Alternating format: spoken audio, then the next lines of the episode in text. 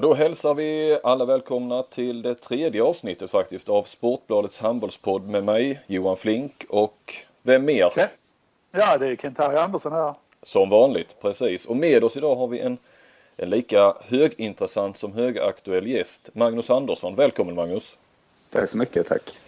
Vi brukar ju spela in det här på torsdagar för att sen släppa det på fredagar. Men den här gången fick det bli redan på, på onsdagen. Eh, och anledningen var när vi kontaktade Magnus väl att, att du eh, var lite busy på, på torsdagen här.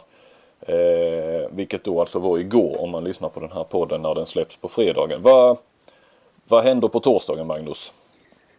Ja, eh, när du väl eh, frågade mig så var det onsdagen som passade mig bättre eftersom jag var hemma här i Halmstad och på väg till eh, match i Alingsås så kommer bussen och hämtar upp mig här i Halmstad. Men sen är det väl tanken att det skulle vara en presskonferens nere i Tyskland så att den dagen hade väl inte passat så bra för mig. Eh, och du har gjort klart med Göppingen till nästa säsong ja? Ja, det stämmer. Det stämmer.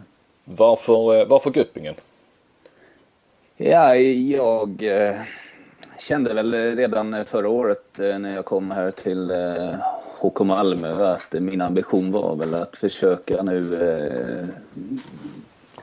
komma lite tillbaks, ska man säga, finrummet utan att det låter för, för dumt. Men alltså, eh, ville tillbaks till kanske den nivån som jag var på i AGF och spela lite de här stora matcherna. Eh, samtidigt så har vuxit fram lite då att Bundesliga är något, eh, kanske den bästa ligan i världen och alla pratar om att det är den bästa ligan i världen. Och där har ju inte jag varit. Jag var där som spelare för en herrans massa eh, år sedan och eh, Göppingen är ett sånt lag som jag har känt eh, är eh, ett lag som jag skulle kunna tänka mig är intressant och de har eh, varit i kontakt med mig sedan en lång tid tillbaks och, och fått ett, eh, ett bra intryck av klubben och, och Eh, de har visat ett stort intresse för att få mig redan från start så det, det, det, det, kändes bra och nu har jag ju också de här möjligheterna till att eh, eh, mina barn är utflugna, det är lättare att flytta och jag hade ett kontrakt med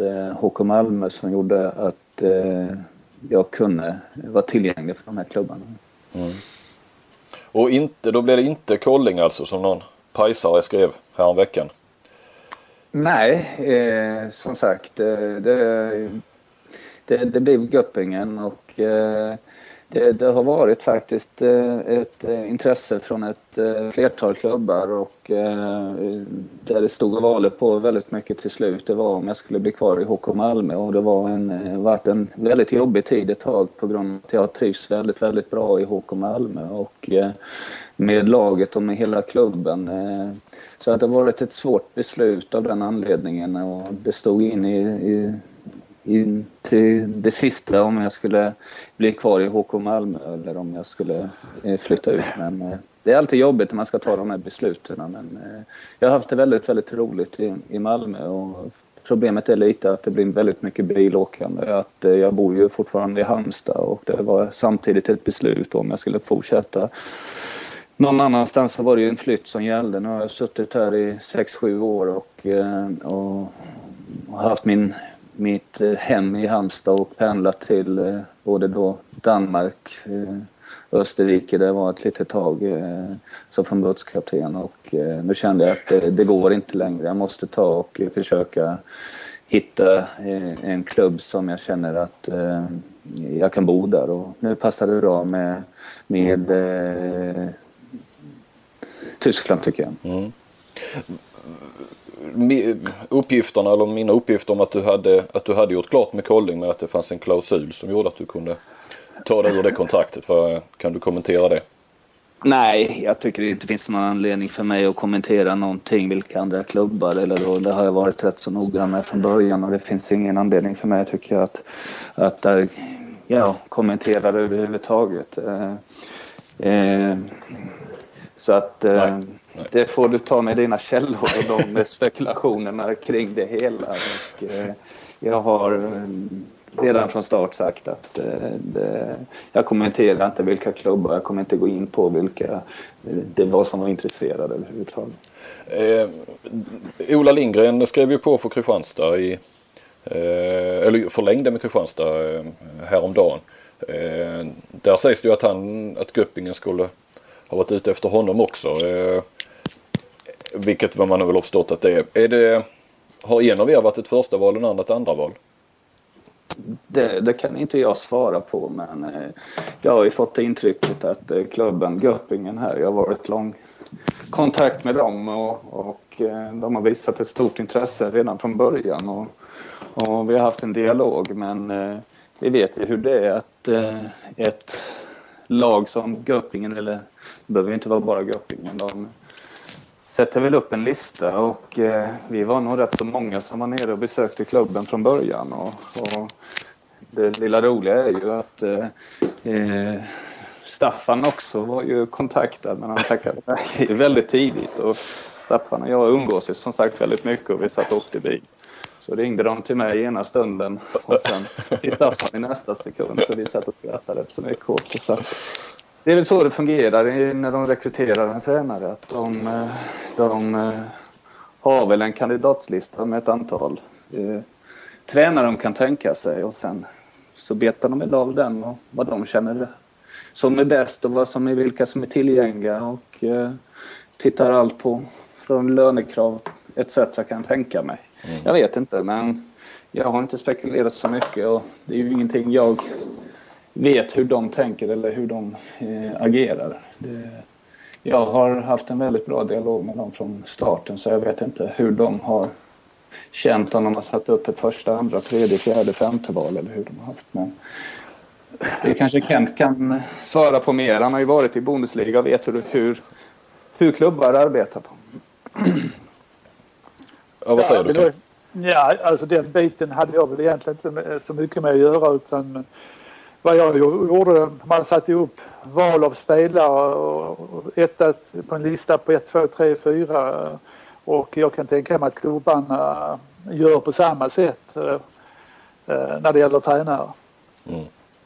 Men och så, har man, så, har man, ja, så har man troligtvis en dialog med 3, 4 hela tiden och eh, så får man napp på ett va? Och, så, och så tar man det. Va? Men jag, jag kan ju tänka mig att både Ola, Ola och, och, Magnus var ganska högt upp på den listan och Staffan också för den delen. Jag, jag tror man hade bestämt sig för att man ville ha något skandinaviskt och kanske svenskt. Mm. Men är det, är det någon prestige i det Magnus? Att, att, eh, I varje fall att det framstår som att eh, till exempel den här gången nu eftersom i varje fall i offentligheten kom det ju fram att Ola tackar nej där och skriver på för Kristianstad några dagar senare så blir du klar för, för Göppingen. Absolut inte. Det finns absolut ingen prestige i mitt eh, fall när det gäller sånt. Och det är som sagt, eh, det ni kallar offentligheten så är ni ju inte riktigt med i matchen på samma sätt som eh, jag som har varit i en dialog hela tiden. Och det här är ju som sagt bara ren spekulationer ifrån det hela. Från människor som inte har varit inne i det hela. Men för min del så är det absolut ingen prestige i någonting. Och, eh, jag har eh, varit eh, i en bra dialog sedan en väldigt, väldigt lång tid tillbaks och, och jag kan inte ett dugg avgöra hur klubben eh, har tänkt eh, på det sättet mer än att eh, jag har uppfattat att de har varit eh, väldigt intresserad från start och vi har fört en dialog från dag ett eh, i stort sett ett par gånger i veckan. Sen samtidigt så är jag inte så naivt och dum och tror att de bara eh, arbetar med mig eh, på det sättet och jag tror att i detta fallet så har det nog varit en 4-5 tränare. Och så här fungerar det ju över, över eh, alla. Även när jag gick till HK Malmö så, så ligger väl inte allting bara på, på mig. Här finns det ju en diskussion med, med många. Och, när jag är ute och värvar spelare så är det inte bara en spelare man håller på att snacka med. Och det är väl många olika saker som ska stämma in i det hela. Så att för mig är det absolut inte eh, någon form av en prestige där. Jag är väldigt glad för mitt kontrakt som jag skrivit och jag har uppfattat att klubben eh, har velat haft mig från dag ett och till slut så kom vi överens. Har du och Ola snackat om det under vägen fram? Om eh, ja, alltså inte så mycket om det men eh, båda vi har ju bara skrattat och ja. pratat om det. För både jag, Staffan och Ola var väl alla till, till eh, alltså, samtal och sen är det väl eh, är det väl eh, Ola och jag och möjligtvis en tre till som har varit till samtal. Staffan var rätt så eh, snabb med att tala om att eh, han var inte intresserad. Det var inte hans lönekrav då? Vi skulle inte ta, du snackade om lönekrav innan så det är inte så att Staffan har högst lönekrav över allihop då? nej, det har vi inte pratat om faktiskt. Vad var lönekravet? Nej, nej. nej. Eh, men det har blivit rätt så många eh, Kolding eller ej, men, men jag menar Hästö, Malmö och nu Göppingen. Du har skrivit på många avtal på, på kort tid här. Har du någon agent? Är det, är det Mino, Mino ja. Raiola som är med här? Nej, det är det inte. Nej, jag har faktiskt eh, gjort det här utan agent. Eh, som eh, eh haft en advokat som har varit inblandad. Mm. Så att eh, jag har inte haft en agent i detta fallet eftersom klubben har kontaktat mig själv. Och, eh, så att nu låter det ungefär som att jag skrivit på många avtal den sista tiden. Att, ja, det har du eh, Jag förstår inte riktigt vad... Ja, eh, sen eh, ja, första augusti som min... Eh, ja, men så är det attraktiv som tränare. Vad sa du Kent? Ja, så, så är det ju att vara attraktiv som tränare. Då skriver man många avtal.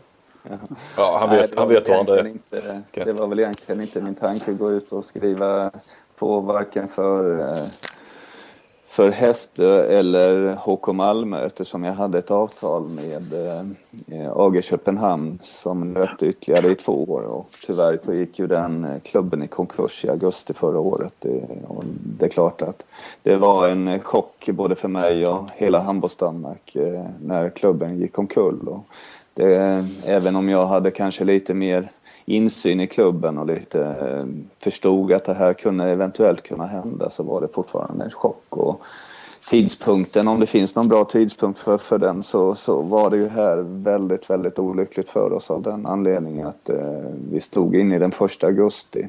Och som spelare så var jag väldigt glad, eller som, som tränare för det laget, att spelarna hittar ju nya eh, klubbar relativt snabbt allihopa. Men eh, som tränare så är det ju inte så lätt att hitta ett, eh, ett lag den första augusti när i stort sett ligan satte igång tre, fyra veckor senare. Så att, det, det, det, var väldigt tufft för mig. Och för det första var det chocken och, och att man blev ledsen Eh, att klubben lades ner och sen kom ju nästa eh, slag lite att man insåg att eh, det skulle nog ta lite tid det här och efter några veckor tyckte man att det kunde vara lite skönt kanske att få, få ha lite lugn och ro men sen börjar man klättra på väggarna och man börjar inse att det händer inte så mycket i handbollsvärlden just nu. De flesta lagen gick som tåget och alla Ja, det var inga så här risklag som började eh, spekulera sig i att de skulle få sparken. Så att, ehm, så att det, det hände inte så mycket där som kanske många agenter och folk, specialister, trodde att ja, det öppnar sig snart. Snart är det något, som, något lag som eh, blir ledigt. Men det hände inte så mycket. Du nämnde Magnus att det har varit rätt så tuff, eh, lite beslutsångest hit och dit nu i, i höst kring det här med Göppingen och det förstår jag. Men det verkar uppenbarligen inte ha påverkat resultaten i varje fall för, för HK Malmö. Vi, eh, du är väl elitseriens hetaste tränare i, i höst eh, kan vi återkomma till. Så att, men jag tänkte helt enkelt egentligen bolla över till, till Kent Harry här som, som har laddat med ett rejält batteri frågor. Eh, och, eh, men innan jag gör det ska jag också säga att vi klämmer in lite lyssnarfrågor. Vi valde att eh, gå ut med att eh, det var du som var veckans gäst eh, för några dagar sedan så att man har haft möjlighet att skicka in lite frågor. Eh, så de kommer vi också klämma in efterhand här och vi kan väl uppmana lyssnarna också att gärna fortsätta skicka in eh, frågor och idéer om vad vi ska ta upp och förslag på gäster och sånt och det gör man ju som vanligt på johan.flink eh, aftonbladet.se eller på hashtaggen flinkkentharry på Twitter. Så kör igång Kent. Scenen, scenen är din. Det här är väl ingen gurkburk? Eller? Jag först får jag gratulera dig Magnus till ett eh, kontrakt i Bundesliga. Äntligen kan man ju säga. Och sen tror jag också att du har gjort ett eh, jättebra val av klubb. Eh, där jag vet att Göppingen har alltid haft ett gott rykte. Har bra publik, bra stämning. Och ett bra läge att komma till Göppingen nu också för därför har det inte gått sådär jättebra för dem egentligen. Man har nog förväntat sig lite mer den här säsongen. tror man ligger nu på 14 plats med 6 poäng. Eh, så att eh, kanonläge att komma till den här klubben. Ja, det är väl... Ja. ja. Okay. Jag tänkte dela upp de här frågorna i tre olika sjok egentligen.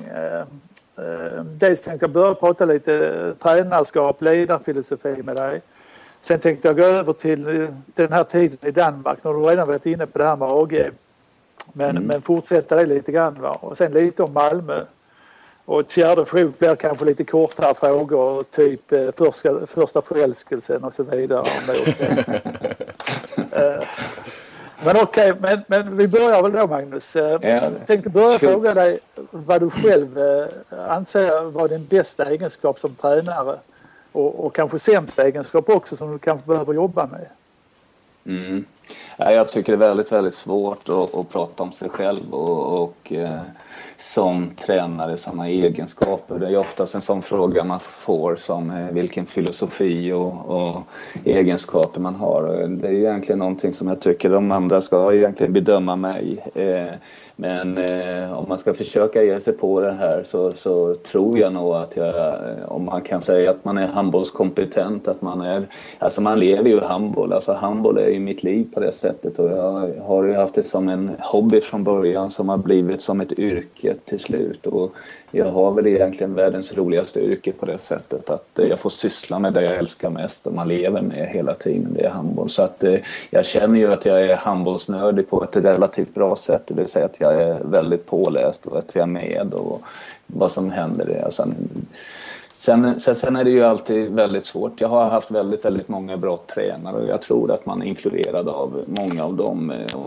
i mitt skandinaviska sätt att se det. Så att eh, om man ska hitta några som bästa egenskaper så tror jag nog att det, det, är väl egentligen handbollen och att jag har en relativt bra människosyn. Och sen som kanske sämsta egenskaper som också är svårt så skulle man kanske kunna vara lite mer auktoritär ibland och, och kanske ännu mer lite kanske tydlig men eh, som sagt, jag, jag, jag, är ju inne i början av min karriär tycker jag ändå fortsatt och, och man lär sig ju hela tiden men eh, jag, jag, jag, tror också en, en, en bra egenskap som jag har det är att jag är eh, anpassningsbar lite till de spelarna som jag får. Att jag, jag, jag kan anpassa mig lite och kommunicera med dem på ett bra sätt eh, så att de förstår. För att ibland handlar det om att kommunicera. Alltså kommunikationen är ju ledarskapet i mitt sätt att se det. Att eh, kunna Eh, få alla att förstå vad det är jag menar. Man kanske måste kommunicera på olika sätt med olika spelare.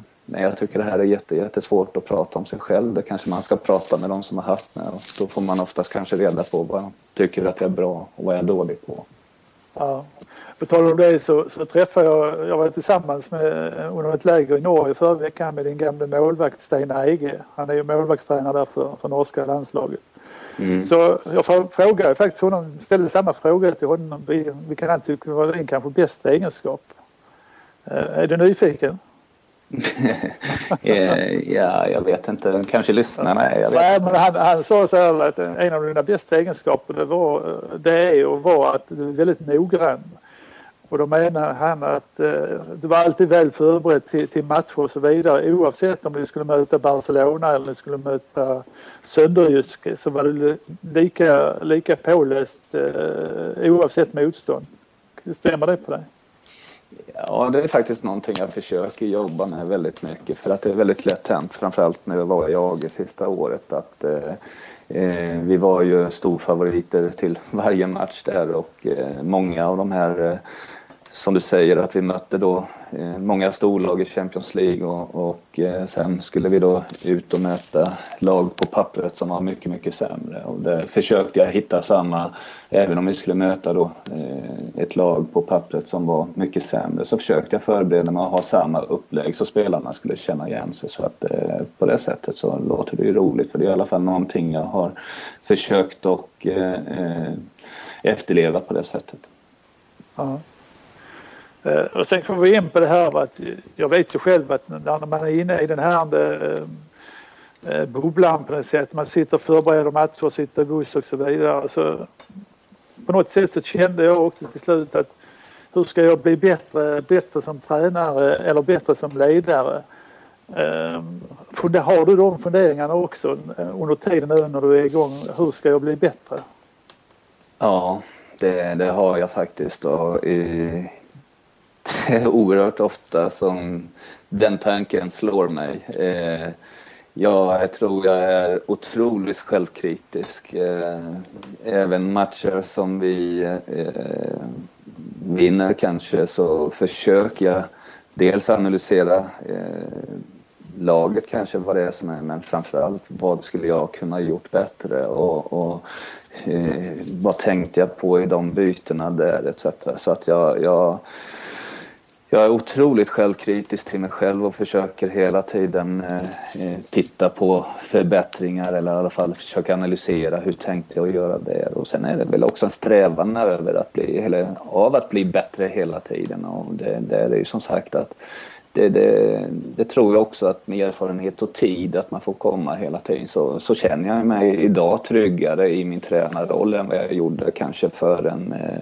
tre, fyra, fem år sedan. Eh, så att det, det kommer ju också med erfarenhet och rutiner känner, känner jag på det sättet. Okej. Okay. Eh, du var inne på det här innan att du var inte så glad att prata om handbollsfilosofi och så. Men, en rätt intressant fråga då tycker jag att och ställa till dig om du har någon och i så fall vilken är din handbollsfilosofi? Hur vill mm. du spela handboll? Alltså, jag tror ju lika så att när man är på den här nivån så handlar det ju väldigt mycket om alltså, att vinna eh, matcher. Det, alltså, det, det, det, låter kanske konstigt men, men, min filosofi måste nästan vara att vinna matcher. För det är ändå det summa summarum det där det handlar om på den här nivån. Att om man ska överleva, det är ju att göra.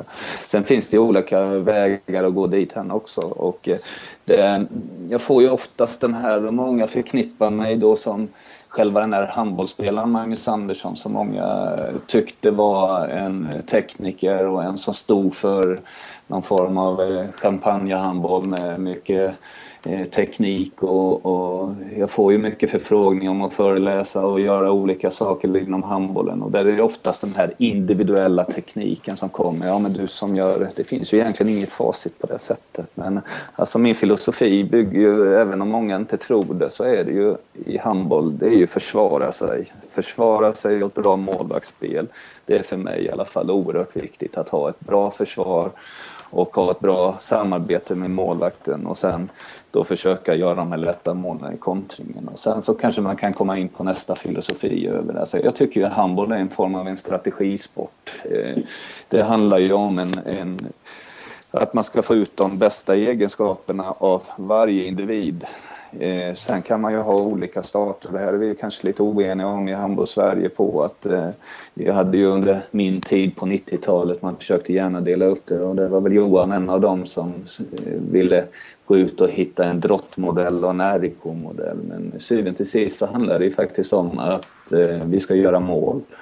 Och sen hur vi kommer dit hem, det kan vi ju också prata till oändlighet med egentligen om man ska ha eh, stora gurkburkar som vi varit eh, väldigt kända för. Vi hade ett kombinationsbundet spel som jag stod för väldigt mycket i idrott men eh, där känner jag ju själv att jag är lite mer influerad av den internationella handbollen efter ett par år. Att jag tror att det handlar mer om individen egentligen. Eh, att eh, individen är så pass duktig i de här avgörande lägena. Och eh, jag tror ju också lite på det som under vår storhetstid under landslagsepoken här så hade vi ett väldigt kombinationsbundet spel men det vi var jävligt duktiga på det var ju att kunna bryta mönstren. Att vi hade individer som kunde eh, bryta de mönstren hela tiden. Men det handlar ju i någon form av att eh, få ut det bästa av varje individ. Och många gånger om jag kommer till kanske ett lag här som Malmö som eh, ett, så, så, så har jag ju självklart en idé på hur jag vill att vi ska spela och det kan vara då antingen om det är som, jag gillar ju jättemycket det här växelspelet. Men eh, jag måste ju också kunna se vad har jag för individer för att reda ut det här växelspelet. Det, det ska inte bara vara tanken på att att det är jag som ska stå för det. För då kanske jag inte får framgången från som ja, två eller tre år. Då. Under den tiden har kanske spelarna både hunnit att byta och jag har hunnit få sparken för att vi inte gjort resultaten. Så att det är lite min filosofi tror jag, att få ut det bästa och försöka anpassa mig till spelarna eh, lite på det sättet. Och kanske där är vi tillbaka igen. Det är kanske det som är min bästa egenskap kanske som tränare. Och jag vet inte, en del kanske tycker den är sämst också. Jag vet inte. Jag kan jag skjuta in eh, Kent? Ja. Det, det, låter på dig Magnus som att bilden, i varje fall eller bilden av spelaren Magnus Andersson är, eh, skiljer sig rätt mycket från, från tränaren Magnus Andersson om du står vad jag menar. Det du var inne på att, att du, du, ni, du håller inte bara på med en massa snygga tekniska grejer på, som tränare och försöker lära ut det utan du bygger det bakifrån som, som så många andra förstås.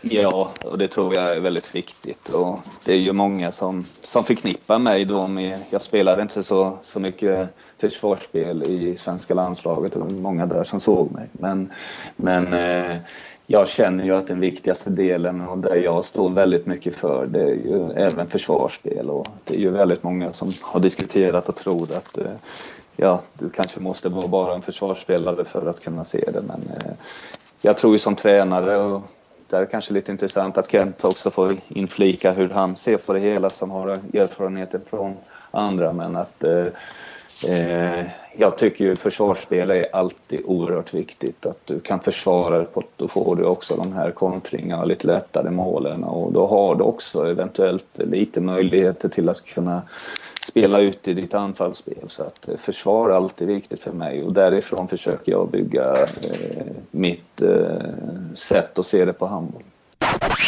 Har ni gurkburk hemma? För jag fått in, eh, fick ju två, två lyssnarfrågor från Martin Frändesjö. Som vi väl alla eh, känner till.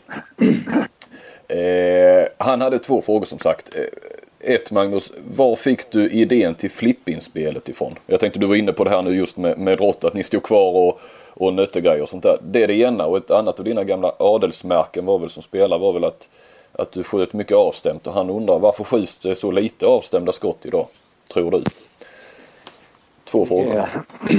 ja, det är jättesvårt att säga om det skjuts så mycket mindre idag. Det, det, det kan jag inte svara på men det som jag fick utveckla det var ju alltså, jag har ju aldrig, jag har alltid fått heta till den här lille. Även om jag är en 81 idag så är jag ju liten i, i jämförelse med den här, ja framförallt på internationell nivå. Eh, här i Sverige kanske man kunde mäta sig med en del men eh, jag var ju tvungen att bli eh, bra på saker och ting som jag kunde utveckla efter mina förutsättningar.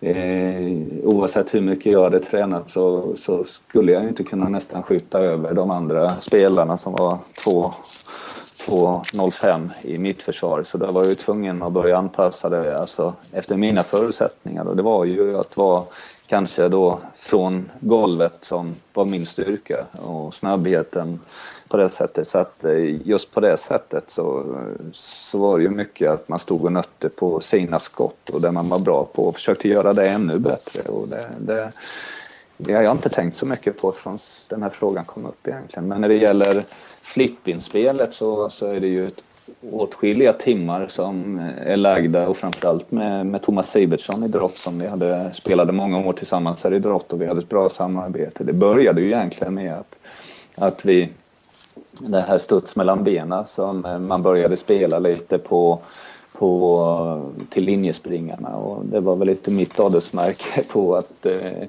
just inspelarna till linjen här på de små ytorna. Och, eh, det började med att vi stod och nötte och nötte och nötte och till slut så började eh, försvarsspelarna upptäcka att eh, det enda han gör. Och vi var tvungna att försöka utveckla det. Och då såg vi lite på hur Alltså varje gång man satt ner handen eh, så, så gjorde försvararna på något sätt. Och, eh, då började vi se att varje gång jag satt ner handen där så tog man även ner händerna. Och på det sättet som kom flippinspelet. Och efter ett tag så började man utveckla det och man stod och nötte och tittade lite på det. Men eh, det, det är väl lite så det kom till egentligen i mitt fall. Men mm. idag är det många som använder det och gjorde väl kanske även innan mig men det blev ett litet just samarbete mellan mig och, och Sivertsson och, och självklart både med Wislander och alla andra eh, linjespringare jag spelat med så blev det på det sättet.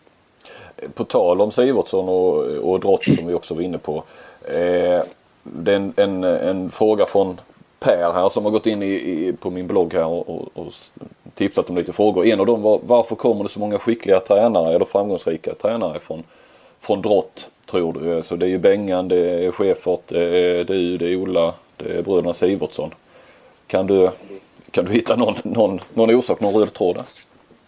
Nej, alltså jag kan faktiskt inte hitta... Du ställde den frågan till mig tror jag när vi startade upp här nu. Det är många av oss som är eh, gamla eh, spelare från landslaget som är tränare och jag tror en, en, en del i det hela är ju att vi, vi vi, vi tycker om, vi älskar handbollen på, som sport och sen har vi ju fått möjligheten tack vare att vi var framgångsrika som spelare eh, och kunna arbeta vidare med det som, som ett yrke. Eh, men eh, just idrott, jag tror väl lite kanske där eh, som Bengan har betytt en hel del i sin form att vara ledare. Han var ju eh, inte den här kanske jätteauktoritära ledaren på det sättet. Han gav ut ett stort ansvar. och Det gjorde att vi blev väldigt många ledare som fick ta ansvar även på planen. Och det kanske har hållit i sig att man har tyckt att det här är jävligt roligt att få kunna eh, bli tilldelad en roll och få kunna hålla i saker på ett sätt. Och det är kanske det som har gjort att, att eh, många av brottarna som avspeglade sig på, på just Bengt Johansson kanske mm sen samtidigt så ser vi det kommer en del från RIK också. Vi har ju både Franzén och vi har Bokvist och alltså det, det, kommer väl även från de andra sidorna också så jag kan inte säga om det bara är brottare. Nej då, det är det kanske inte. Men, som, men det är nästan ni som har kommit längst. Alltså, ni har ju varit eh, Bengan där och Schäfert har varit i Bundesliga och haft sina framgångar och du och Ola och Ulf var ju väldigt framgångsrik i Kolding och, och idrott också för den delen. Så att, eh, mm. Ja, ja. Det är svårt att, jag kan inte ge något riktigt bra svar men det kanske skulle kunna vara någonting att eh, eh det har blivit många starka ledare av, av den anledningen att eh, vi har fått också tilldelat eh, och, och kunna mm. vara ledare eh, på planen och hållit i saker och det har väl i alla fall tilltalat mig. Eh, mm. Men sen samtidigt när jag kom hem så var inte, jag har inte haft den här tanken på egentligen att jag skulle bli tränare. Eh, när jag stoppade min karriär så, så hade jag ett arbete här i Halmstad och eh, det var väl egentligen där jag kände också att när jag kom hem så var det det jag ville göra. Men sen den här saknaden till handbollen, sen så fick jag en möjlighet att bli tränare och frågan kom. Men innan den dagen frågan kom så tror jag att jag aldrig hade tänkt att jag skulle bli tränare. Okay. Så att, det, det vände fort här också. Mm. Kör Kent, fortsätt du.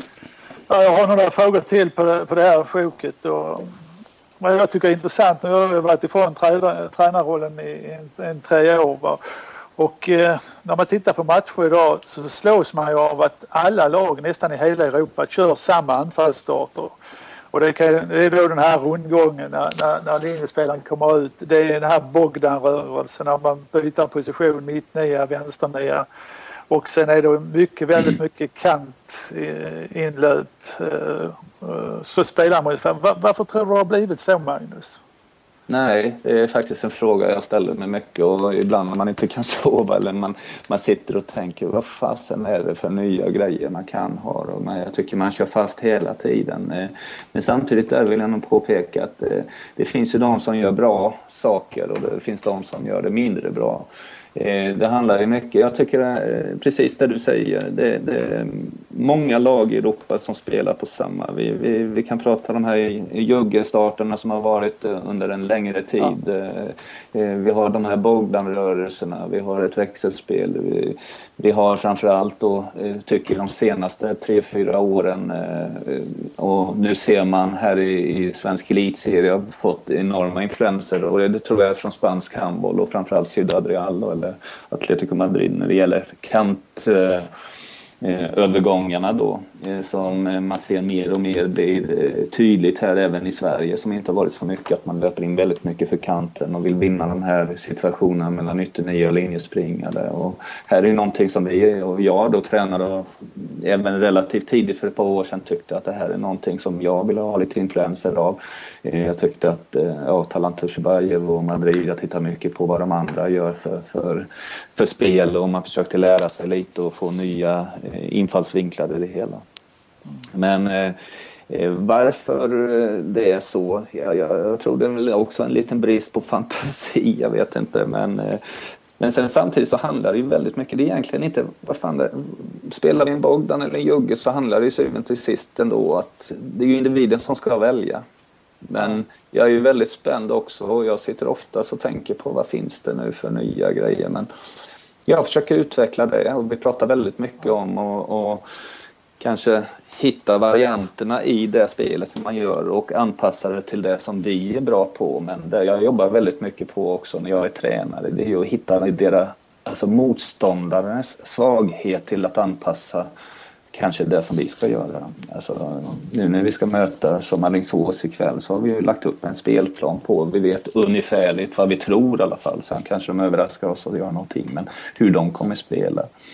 Och där ändrar vi ju inte ett spel helt och hållet till eh, att vi börjar köra någonting som vi inte har gjort innan. Men vi kanske hittar detaljerna i det spelet som vi gör och, och bryter av det istället. Och det tror jag kanske är lite utveckling för oss. Men jag är lika spänd också på vad som eh, händer här i framtiden.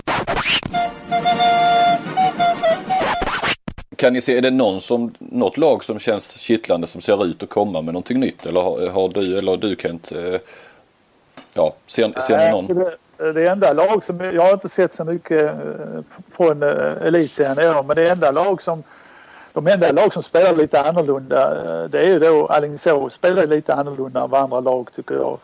Och så tittar jag på matchen Rimbo Ystad IF igår och Rimbo kör ju också annorlunda spel men, men, men, utan framgång kan man säga. Men Alingsås har ju den här framgången att göra lite annorlunda. Det vet ju du Magnus. Du, du har ju analyserat Alingsås nu. Jag tycker att de skiljer sig lite från andra lag vi har sett i Sverige. Ja, det är väl Rimbo som jag, som jag tycker skiljer sig mest och det tycker jag är rätt så häftigt och jag tycker det är jävligt skoj. Även om de inte är framgångsrika nu så rör det om lite och man får en tankeställare. Och mm.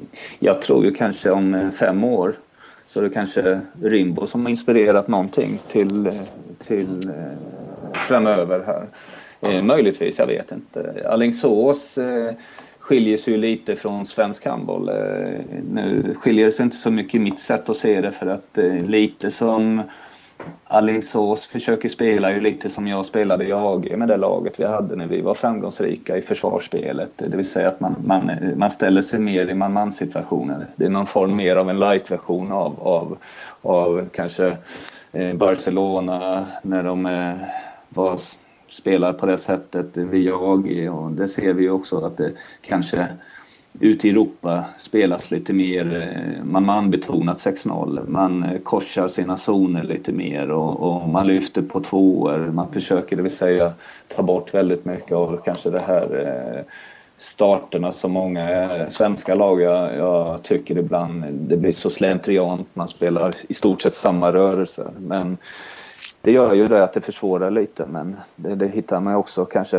eh, medel för till slut. Men att eh, eh jag tycker det är lite roligt för att eh, här, här utvecklar vi individen igen på det sättet. Men eh, Alingsås spelar ju ett mer aggressivt man-man-betonat eh, 6-0 eh, försvar i, i, mitt sätt att se det och vi spelade ju i stort sett samma med, med AG Köpenhamn. Mm. Alltså som publik så, så uppskattar man detta. Eh, det är att se lite annorlunda handboll. Så jag, jag mm. blev väldigt glad när jag, när jag såg Alingsås och kanske inte blev så glad när jag såg Wimbledon. Det, det för att de hade ju inte den där individuella färdigheten att spela det här spelet tycker jag.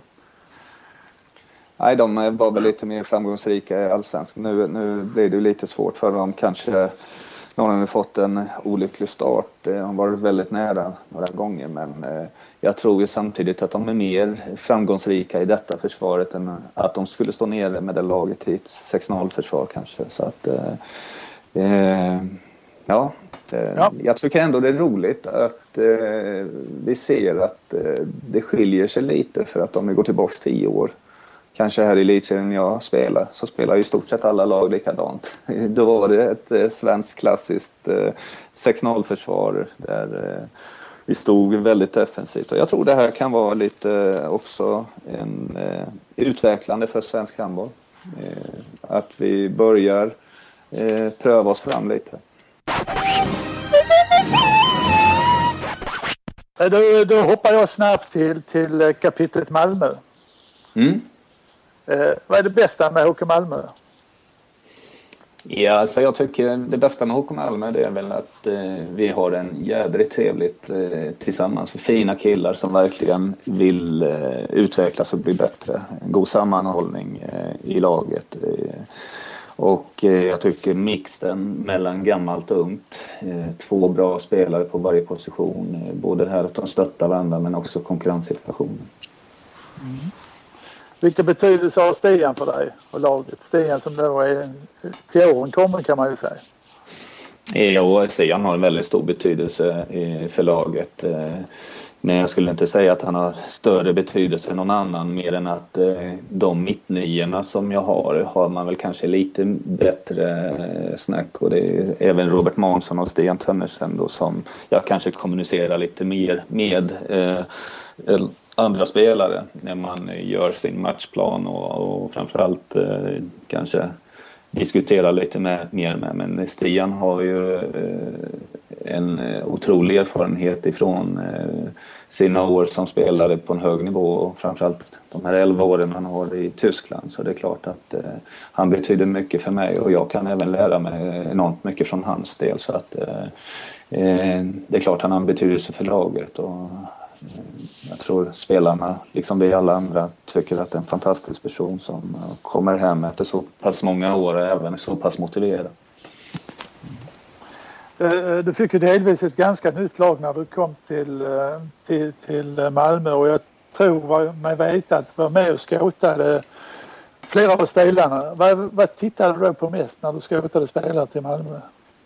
Alltså det som var viktigt för mig det var ju några positioner vi skulle hitta spelare på.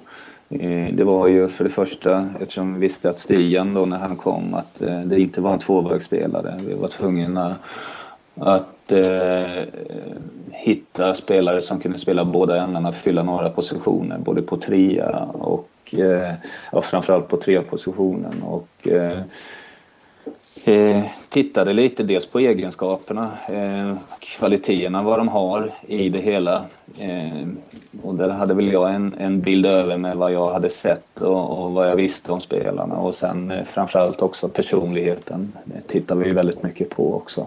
Eh, eh, och där får man väl ett relativt snabbt intryck över de samtalen man tar, vad det verkar vara för, för killar.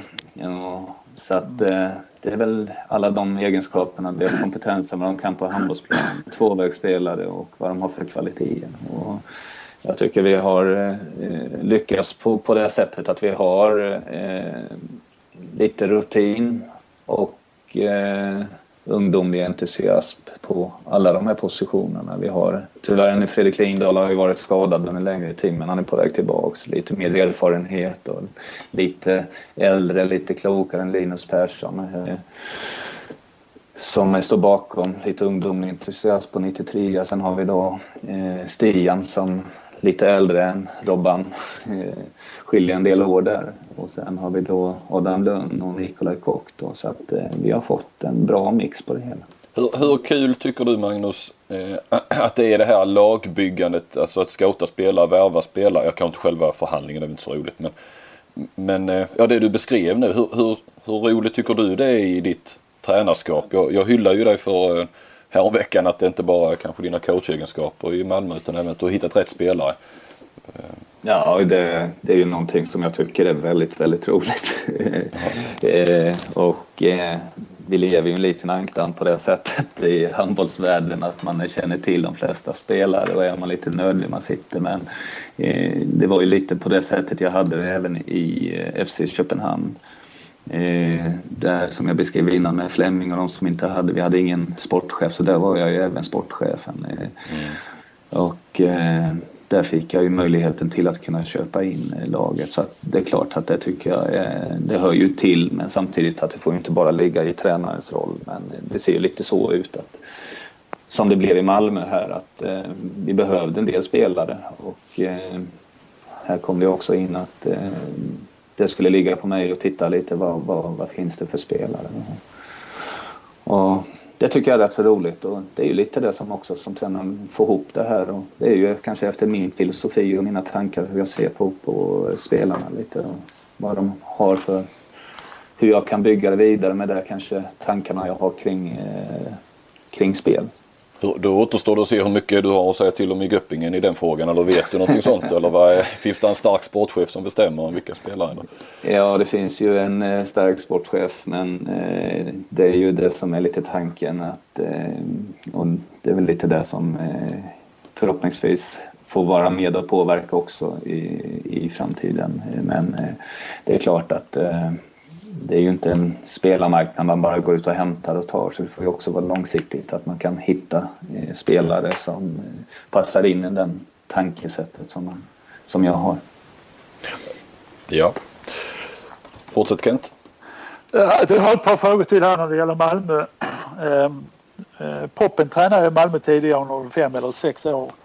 Jag vet att du Proppen jobbar lite ihop också med, med U-landslaget som blev världsmästare och så vidare.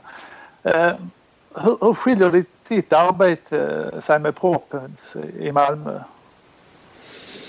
Nej, det är också väldigt svårt och, och jag, jag känner ju Proppen väldigt väl och vi, vi eh, hade ett väldigt, väldigt bra samarbete med eh, U 21-landslaget här. Men samtidigt är det ju de som hade startat den här processen tillsammans med Tobbe Klingvall och de, de hade tränat. Det, Eh, ungdomarna idag när de kommer upp där har ju en väldigt bra skola så att eh, när jag kom in så var det relativt enkelt på det sättet att, eh, att det var kvalmatcher och sen så var det VM här så att det, det var inte heller så mycket nya saker. Det var någonting med mina influenser jag kunde komma in och att vi fick jobba lite mer med som jag tyckte det kunde vara. Men sen var det de små detaljerna kanske i spelet på det sättet. Men men jag kan inte säga att jag skiljer så pass mycket. Jag är kanske eh, lite mer relaxad än, än proppen på det sättet. Men jag tycker vi kompletterar var, varandra bra. Men det är svårt också att säga vad proppen har gjort i Malmö kontra vad jag har gjort i Malmö. Det, det är ett nytt lag och en,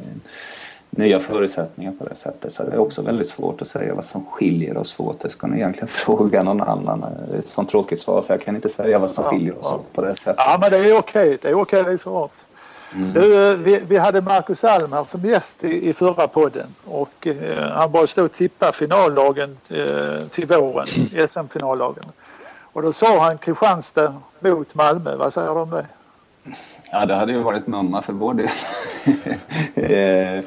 Det hade ju varit fantastiskt och självklart finns ju chansen men det är ingenting jag och jag tror HK Malmö springer, ja det är klart vi drömmer om den men eh, eh, om det är realistiskt, ja varför inte. Just nu har vi visat att vi kan men eh, jag tror i första hand och, och, där vi hade vår, när vi jobbade lite med, med målsättningar och mål och vi tittade lite på det så tyckte vi att det var ett realistiskt eh, mål eh, med så pass många nya spelare och eh, med eh, lite historik kring det förra året så sa vi att eh, ett slutspel är vårt mål och det står vi fast vid.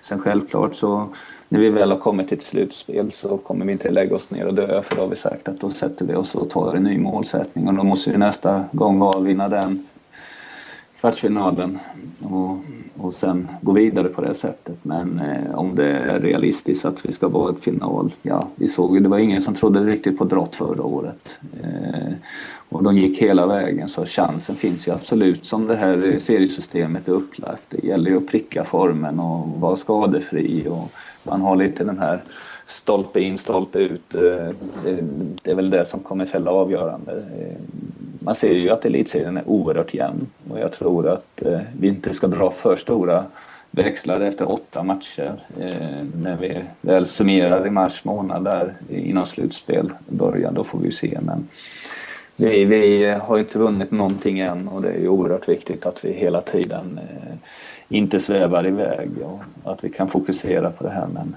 jag vet inte, jag hade ju tippat redan från början att det är Kristianstad mot Lugi och det är väl egentligen de två lagarna som på pappret har förstärkts och gjort på det. Men eh, jag hoppas ju att Marcus har rätt. Okej. Okay. Sista fråga på, sista fråga på Malmö då. Eh, vilken, vilken svensk spelare skulle du helst vilja ha till Malmö? Ja, alltså... Eh, det här är ju alltid lite känsligt. Men ja. alltså, som, jag kan ju inte vara så tråkig och säga så. För då, blir jag hela tiden tråkiga igen. Men alltså... Eh, jag tror nog att de i Malmö kan väl du lär väl komma med ett rätt tungt namn antar jag. Så det, det, det kan man väl köpa kanske. Eh, nej, nej jag, jag, hade nog sagt eh, Don Beutler. Eh, det är en, eh, en eh, crazy matchvinnare i, i eh, att ha som en resurs. Mm. Ja. Okej, okay. mm. då blir säkert Dan glad över det svaret. Ja, och Dan han är ju lite anknytning till Malmö så att det, ja. det var lite det som, ja. Då bryter vi det oerhört intressanta samtalet med Magnus Andersson. Men var lugn bara. Det finns eh, en andra del också och häng med till den nu.